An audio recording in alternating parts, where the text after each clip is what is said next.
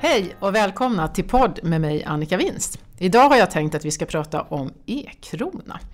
Eh, vad är möjligheterna, riskerna och behövs den överhuvudtaget? Och jag är mycket glad att jag har med mig min kollega Johanna Lybeck Lilja som har satt sig in extra i den här delikata uppgiften eller frågan. Johanna, varmt välkommen! Vill du presentera dig kort? Eh, vad har du för roll i banken? För inte är det bara e-krona som du sysslar med. Eh, det stämmer. Eh, till att börja med, tack för att jag får komma. Välkommen. Jag jobbar som vad vi kallar Executive Advisor och sysslar väldigt mycket med framtida lagstiftningsprojekt. Nära ledningen? Nära ledningen, helt mm. riktigt. Men ja. även olika policyfrågor i Sverige. Allt från hur ska vi se på amorteringskrav till kontantregleringar och så. Eh, och e-krona. Och e-krona. Ja. Eh, då kör vi igång. Och för er lyssnare som inte har stenkoll på vad e-kronan är så är det namnet på en digital centralbanksvaluta som Riksbanken har ett pågående pilotprojekt på. Eh, och det ska vara ett komplement till kontanter och staten står som garant. Och tanken är att det här pilotprojektet det kommer tas vidare om det behövs. Och det vet man ju inte ännu om man har det behovet, men det får vi se. Men det, den signal Riksbanken skickar då, det är att då vill de vara förberedda och de vill också att politikerna ska ha tänkt på den här frågan. Och eh, det låter ju ganska klokt att man har tänkt igenom frågeställningen. Men det kanske är bra att börja med varför ska vi ha en e-krona? Och då finns det ett antal olika argument. Eh, och jag tänkte att vi ska eh, gå igenom ett antal av de här eh, och eh, dels för att förstå varför Riksbanken överhuvudtaget jobbar med det här men också för att få lite mer kött på benen. Och det är ju faktiskt så att de elaka tungorna säger att det här är en lösning på ett problem som inte finns. Så om vi börjar att försöka bena upp det här eh, Johanna. Digitalt utanförskap, det är ju en sån eh, frågeställning. Det var ju ett av argumenten som lyftes väldigt tidigt i debatten att de privata bankernas betalningstjänster är ju i allt större utsträckning digitala. Och en del av befolkningen, och det vet vi ju, har svårt att ta till sig den nya tekniken. Mm. Och vill väldigt gärna ha kvar kontanter och så minskar kontanterna i samhället. Och då skulle det här utvecklas eh, för då den gruppen som är digitalt, digitalt utanförskap. Men en digital valuta för de som är i utanförskap? Låter ja, lite långsökt. Eh, det är precis det frågetecknet som en hel del av remissinstanserna ställer sig. På vilket sätt blir den här mer tillgänglig för den gruppen? Mm. Det är ju mm. ytterligare ett digitalt betalningsinstrument. Det finns inget svar på det idag eller? Nej, man kan väl konstatera att det här argumentet har försvunnit allt mer i skymundan. Mm, ett tidigt argument. Ja, jag var, hade nyligen förmånen att lyssna på eh, Cecilia Skingsley som sitter i direktionen i Riksbanken. Eh, och hon sa att eh, bankerna är ju skyldiga att tillhandahålla betalningsmedel och att kontanter är en del av det. Så det här hänger ju också ihop med, med den förändring som sker i samhället. Det går ganska fort idag att vi, vi släpper kontanterna och Sverige ligger i täten. Ja, Sverige tillsammans med några andra länder. Och, och, och det där är också ett annat argument som har varit på. Eh, man pratar om allmänhetens tillgång på banktjänster. Och, och, det vi är skyldiga att göra som bank är ju att tillhandahålla konton, alltså konton med grundläggande betalningsinstrument på. Mm. Så därför kan man också fråga sig hur stort är problemet att människor inte får tillgång till bankkonton och banktjänster. Mm. Men om man jämför med de andra nordiska länderna så brukar man ju säga att Sverige är mycket större och mycket, eh, alltså geografiskt större, längre avstånd och att eh, man har ju också en diskussion om hur långt ska man ha till att få möjlighet till en, en kontanter. Och det är ett annat lagförslag mm. som ligger på regeringens ja. bord just mm. nu. Ja. Eh, en annan eh, eh, frågeställning som jag ganska ofta hör och det jag ofta hör att människor tycker att det är rimligt, det är ju beredskapen. Vad kan du säga om det? Alltså beredskap om det blir kris eller strömavbrott eller liknande jag tycker man ska bena upp frågeställningen lite grann. Jag tycker att i den allmänna debatten så har man gjort den här frågeställningen lite för enkel. Alltså om man, om man tänker sig att vi har ett avbrott i antingen eh, bredband eller i el. Om det är några timmar, ja då är det nog bäst att satsa på att få upp det systemet så fort som möjligt. Eh, och så kan man också konstatera att Riksbankens eventuella e-krona är ju lika beroende av el och bredband som även bankerna och deras betalningslösningar är. Så att om vi får ett elektricitetsavbrott så blir ju inte e-kronan fungerande heller. Om man tänker krigshändelse, vad är det ja. man tänker då? Alltså jag, jag tänker att vi ska bena i tre saker. Dels ja. de här korta avbrotten. Mm. Eh, sen kan man tänka sig att man har ett avbrott som vi nu hade i vintras eh, med stormen, framförallt eh, norr, norr om Stockholm när det är liksom ett par, tre dagar Eh, då ser man ju att det är väldigt... Det finns andra delar av landet som ja, har haft det tidigare. Ja, sant. Eh, det var det mest nyliga fallet jag mm. tänkte på. Eh, då, under ett par, tre dagar, då ser vi att det som snabbt blir problem, det är ju mat, värme, vatten. Mm. Det är de tre sakerna. Kan man betala under den här tiden? Ja, affärerna har ju väldigt ofta reservaggregat som fungerar och då finns det faktiskt en offline-funktionalitet i våra vanliga bankkort som finns i alla bankkort idag. Och det är så Riksbanken skulle tänkt sig med sin e-krona, att de skulle ha vad man kallar en offline-funktionalitet. Alltså du behöver inte kunna prata med banken. Men det finns redan idag. Pratar vi längre avbrott, det som du nämnde, pratar vi liksom ett, ett år utan elektricitet, ja då är det nog ganska mycket saker som inte fungerar i vårt samhälle. Och jag tycker att det här är en fråga som regering och riksdag bör titta på. Hur ska vi genomföra betalningar i den här typen av långvariga avbrott som man kan se framför sig, alltså krig och krigstillstånd mm. under lång tid. Att det är mycket som inte fungerar betyder ju inte att man kan luta sig tillbaks men däremot så kanske vi behöver ha lite olika analyser på ja. om det är det ena eller det andra problemet. Så den diskussionen tycker jag är valid men den mm. görs lite enkel. Ja. Mm. Eh, sen pratar man ju också om stabilitet i betalningssystemet. Ja, eh, på många olika sätt. Dels pratar man om det i, beredskapssammanhang. Men Riksbanken säger ju ibland att det ska finnas ett parallellt oberoende betalningssystem. Men det bygger ju då på att de har en helt egen el och bredbandsinfrastruktur. Och det har vi, det har vi inte. Nej. Det kan man ju tänka sig men det blir väldigt, väldigt dyrt för samhället att bygga upp ett helt parallellt eh, infrastruktursystem. Mm. Eh, och sen är det också så att, att det finns ju idag många olika banker med olika betalningsinstrument. Eh, så är, även om en bank får problem så finns det ju andra banker som kan genomföra betalningar. Däremot är det inte heller så lätt att flytta betalningar bara på loppet av några timmar, alltså löner och räkningsbetalningar och så. Nej. Eh, men det är också bristande konkurrens på betalningsmarknaden som man ibland använder som argument. Ja, som Riksbanken använder mm, som argument. Mm. Och då kan man ju fundera, som ekonom då så skulle jag ju titta, är det en marknad som präglas av dålig konkurrens så skulle jag säga att det, det typiska för sådana marknader är att vi har låg innovation, vi har höga kostnader och vi har höga vinster för aktörerna. Och just betalmarknaden i Sverige är ju inte riktigt en sån eh, marknad som präglas av något av de här. Vi har ju tvärtom en väldigt hög innovationskraft, det är låga kostnader för konsumenter att genomföra betalningar. Mm, så det, det, finns konkurrens, det är lätt för oss i, som sitter i bank att säga men, eh, men det finns ingenting i Riksbankens poäng där. Ja, alltså, jag tror inte man ska se, det är ju frågan hur man ser på det. Eh, Riksbanken ser nog väldigt mycket att kontanter utgör en konkurrent till de digitala betaltjänsterna. Det vi ser när vi är ute på betalmarknaden är ju dels alla andra banker som tillhandahåller betalningstjänster. Men det finns ju också en växande sektor av fintechföretag och big tech-företag som nu ganska snabbt flyttar sig in på den här marknaden. Så vi möter ju väldigt stor konkurrens. Ja, det är snarare så att konkurrensen i, i närtid kommer att öka och ganska ja. snabbt som det ser ut i, i dagsläget. Ja. Eh, men eh, nu har vi pratat mycket om kontanter och att det är viktigt att man kan tillhandahålla kontanter. Och, på ett sätt kan man ju förstå det, det finns ett utanförskap eh, som man behöver ta hänsyn till och som, där bankerna kanske historiskt inte har varit alldeles perfekta i bemärkelsen att det finns människor som upplever att det här är ett problem.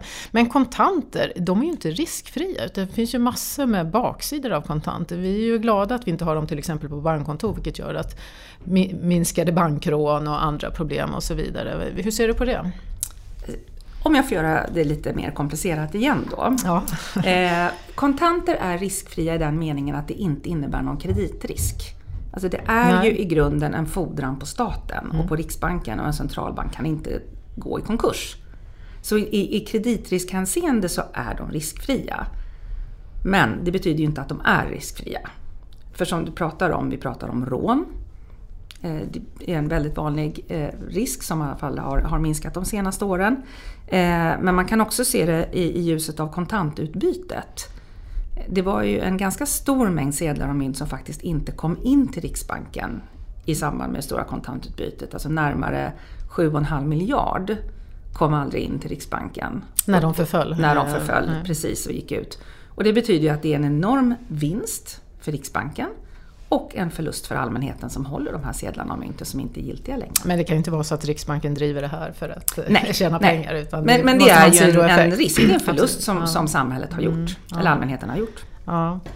Eh, men om man tar det i den första, eh, där du sa att det, det, man har en, en säkerhet eh, bakom, är det det som Riksbanken använder som argument eller är det här andra också? Eller hur?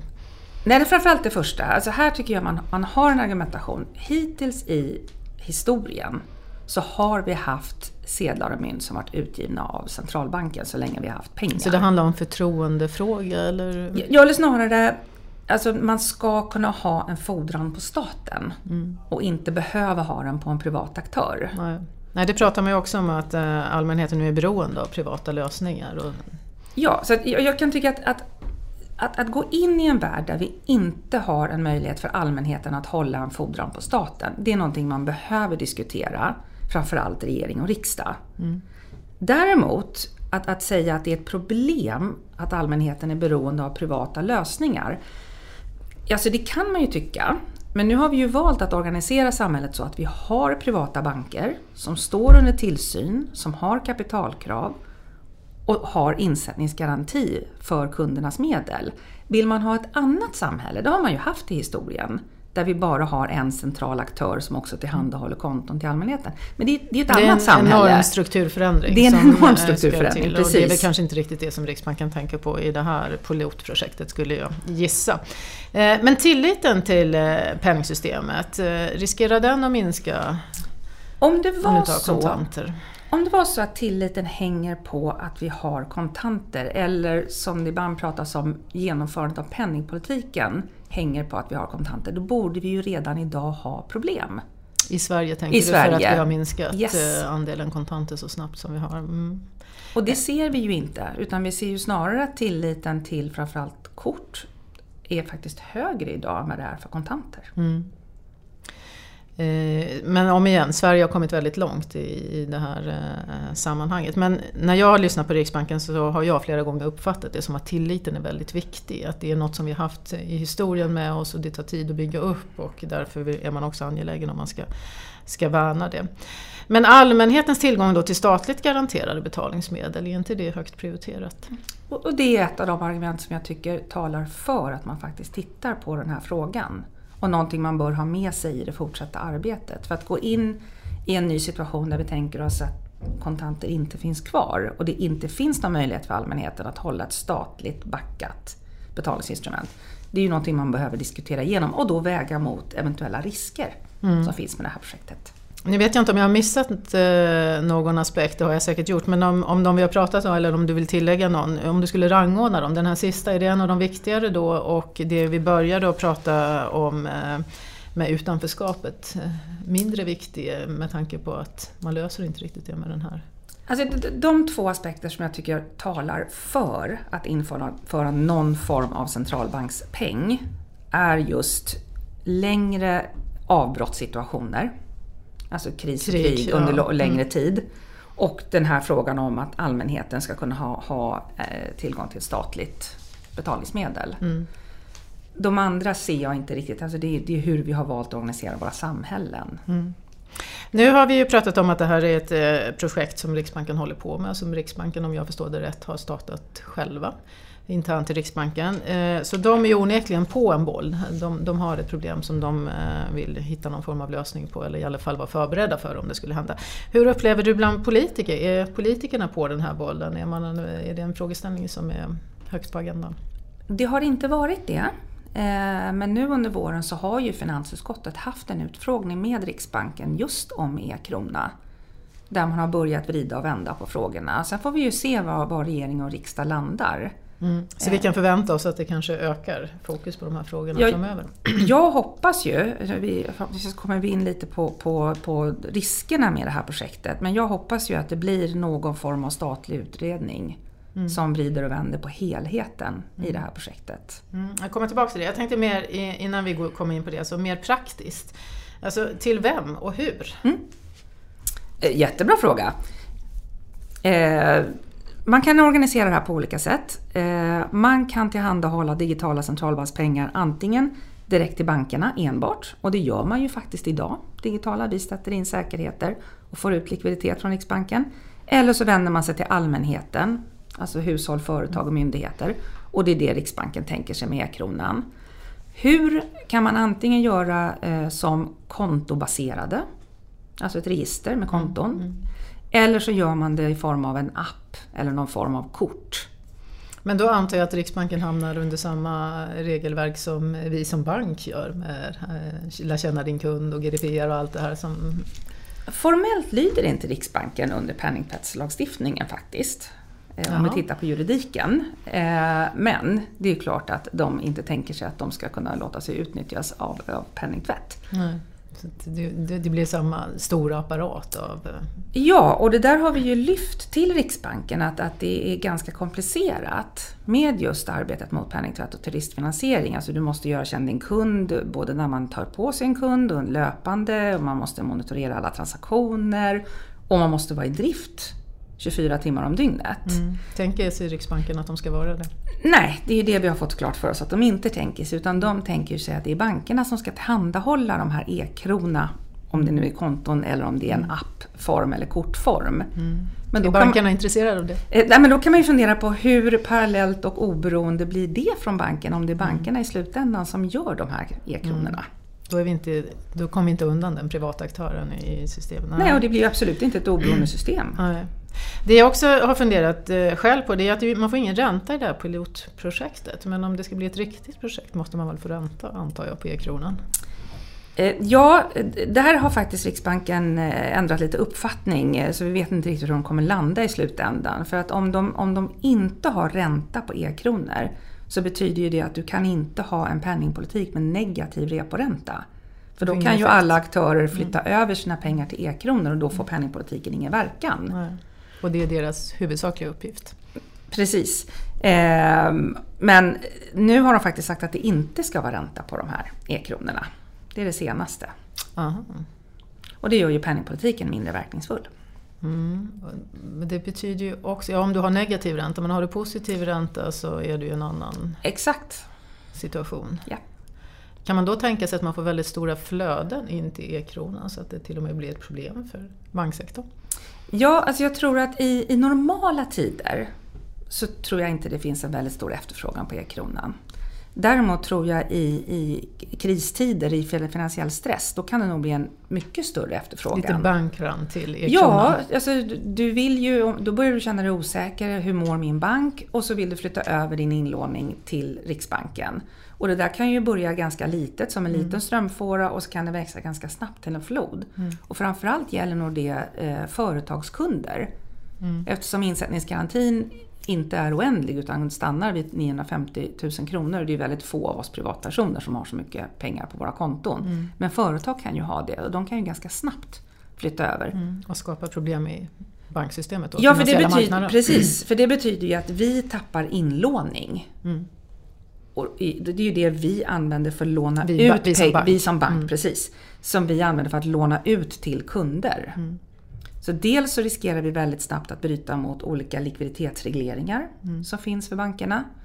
Och dessutom så blir det ju mindre pengar som vi kan låna ut till kunder. De pengarna hamnar ju på Riksbanken istället. Mm. Och då är frågan, vad gör Riksbanken med de pengarna? Ja, och vad är svaret på den frågan?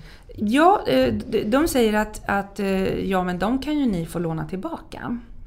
Men då måste ju vi upp med mer värdepapper och lämna som säkerhet hos Riksbanken. Och det kostar ju pengar att hitta säkerheter. Så att kreditförsörjningen i ekonomin påverkas ju av ett sånt här projekt om det blir stor efterfrågan på e-krona. Mm. Och om det blir stor efterfrågan så utvecklar vi att det blev det för att det var någon form av kris. Och då mm. är systemet redan pressat. Så att, eh, mm. då skapar det här ytterligare lite stress i systemet om jag förstår det rätt. Ja. Eller riskerar att skapa. Det riskerar och det mm. här är ju precis det som framförallt Finansinspektionen och Riksgäldskontoret lyfter fram. Alltså riskerna för finansiell stabilitet. Och det är också det som talar för att man ska ha en bred utredning av den här frågan. Mm. Är det några andra risker som eh, jag har missat att fråga om eller som du känner att du vill nämna här och ta upp? Ja, Riksbanken lyfter ju själva att ekonomin blir mer störningskänslig. Dels för att penningpolitiken blir mindre verksam, dels för att växelkursen kan påverkas. För att börjar man tillhandahålla en e-krona kan man inte göra det enbart i Sverige. För inom EU får man inte diskriminera. Nej. Eh, och, och, därmed så, så, så deras balansräkning blir mer volatil, alltså förändras snabbare. Och då riskerar vi att få en mer störningskänslig ekonomi. Det är i alla fall ett, ett argument som, som Riksbanken själva lyfter. Mm, och som ekonom tycker man inte om det. Riksbankens, en av Riksbankens upp, viktigaste uppgifter är att skapa stabilitet, att undvika kriser för priser för de är höga. Och det är därför man har både penningpolitik och ibland finanspolitiken för att stabilisera. Ja, och sen, sen, tycker jag att en, en, grundfråga här är ju lite grann alltså, hur har vi valt att organisera det moderna ekonomiska samhället? Mm. Så vi har privata aktörer som tillhandahåller konton och betalningar och krediter och den olika typer av produkter. Mm. Är det nu Riksbanken som ska tillhandahålla inlåning och krediter, ja då rör vi oss ganska snabbt mot en annan typ av ekonomiskt system. Och det är därför du vill ha en statlig utredning? Ja. Och vem ska göra den och när kan man få se den? Och är det troligt? Jag tror faktiskt det. Eh, så sent som förra veckan, eller möjligtvis veckan innan, så kom Riksbanken med en så kallad framställan till finansutskottet. Mm.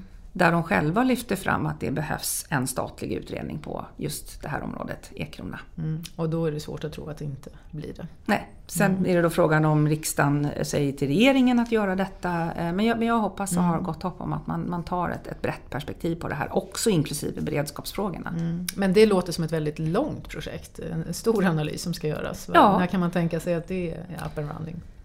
Ja, alltså ett, det har ju säkert några månader och få fram ett sådant utredningsdirektiv. Mm. Och sen brukar en utredning få jobba något år. Mm. Eh, men Riksbanken hade ju inte tänkt sig heller att det här skulle komma på plats så fort. Nej, det här är ju, pilotprojektet är ju för att vara förberedd som yes. de själva uttrycker det. Och, mm. och, eh, det kan man väl ha respekt för att det är klokt att tänka och reflektera. Däremot så kanske slutsatsen blir, när man har lyssnat till det i alla fall, att eh, det är ett mycket större och bredare, det berör väldigt mycket mer än vad man tänkte från början och därför är det klokt att också ta en större utredning om det hela. Jag, jag, tror att när det här började så tänkte man på det som en betalprodukt som alla andra. Men sen börjar man förstå mm. att det har implikationer ja, för hela samhällsekonomin. Mm. Och då bör man tänka efter lite ja. noga. Som bank är vi då för, om jag förstår det rätt, en eh, statlig utredning. Är alla banker överens? Ja, vi har varit det in, mm. inom ramen för Bankföreningen. Mm. Bra. Eh, tror du att projektet blir verklighet? Jag tror att piloten blir verklighet. Mm. Eh, är inte piloten verklighet? Nej. Okay, det trodde jag att den var. Nej. Eh, utan den måste ju också byggas. Mm. Men eftersom man inte riktigt vet vad man ska bygga så blir det lite svårt. Eh, ja, sen får vi ju se det. Så de har inte börjat bygga överhuvudtaget? Nej. Nej, det trodde jag att de hade gjort. Okay. De har fattat beslut i december om att de ska gå vidare med en pilot. Mm. Men de har Men vi lagt har ner ganska mycket arbete redan. Ja, de har ju... Men det är analysarbete då? Ja, de har en 12 mm. personer som arbetar heltid med det här. Ja, och har gjort sen? Ja, ett par år tillbaka. Ja. Ett, ett par år mm. tillbaka. Ja. Där Cecilia Skingsley bland annat har varit eh, den i direktionen som har varit eh, mest involverad om jag förstår det, stämmer. det rätt. Mm. Det stämmer. Ja, det blir spännande att se. Eh, det kommer förmodligen höra mycket, eller vi kommer förmodligen höra mycket mer om det här och eh, det kanske behövs en, en, en bredare bredare utredning innan vi får eh, det här till skott. Och då kanske vi får välkomna dig tillbaks eh, Johanna under resans gång. Stort tack för att du har varit med, eh, jättebra, informativt. Nästa podd som vi har, den ska handla om EU-valet och då kommer Kristin Magnusson Barnard som är min kollega att vara med och hon har ju lång erfarenhet från att ha jobbat i EU.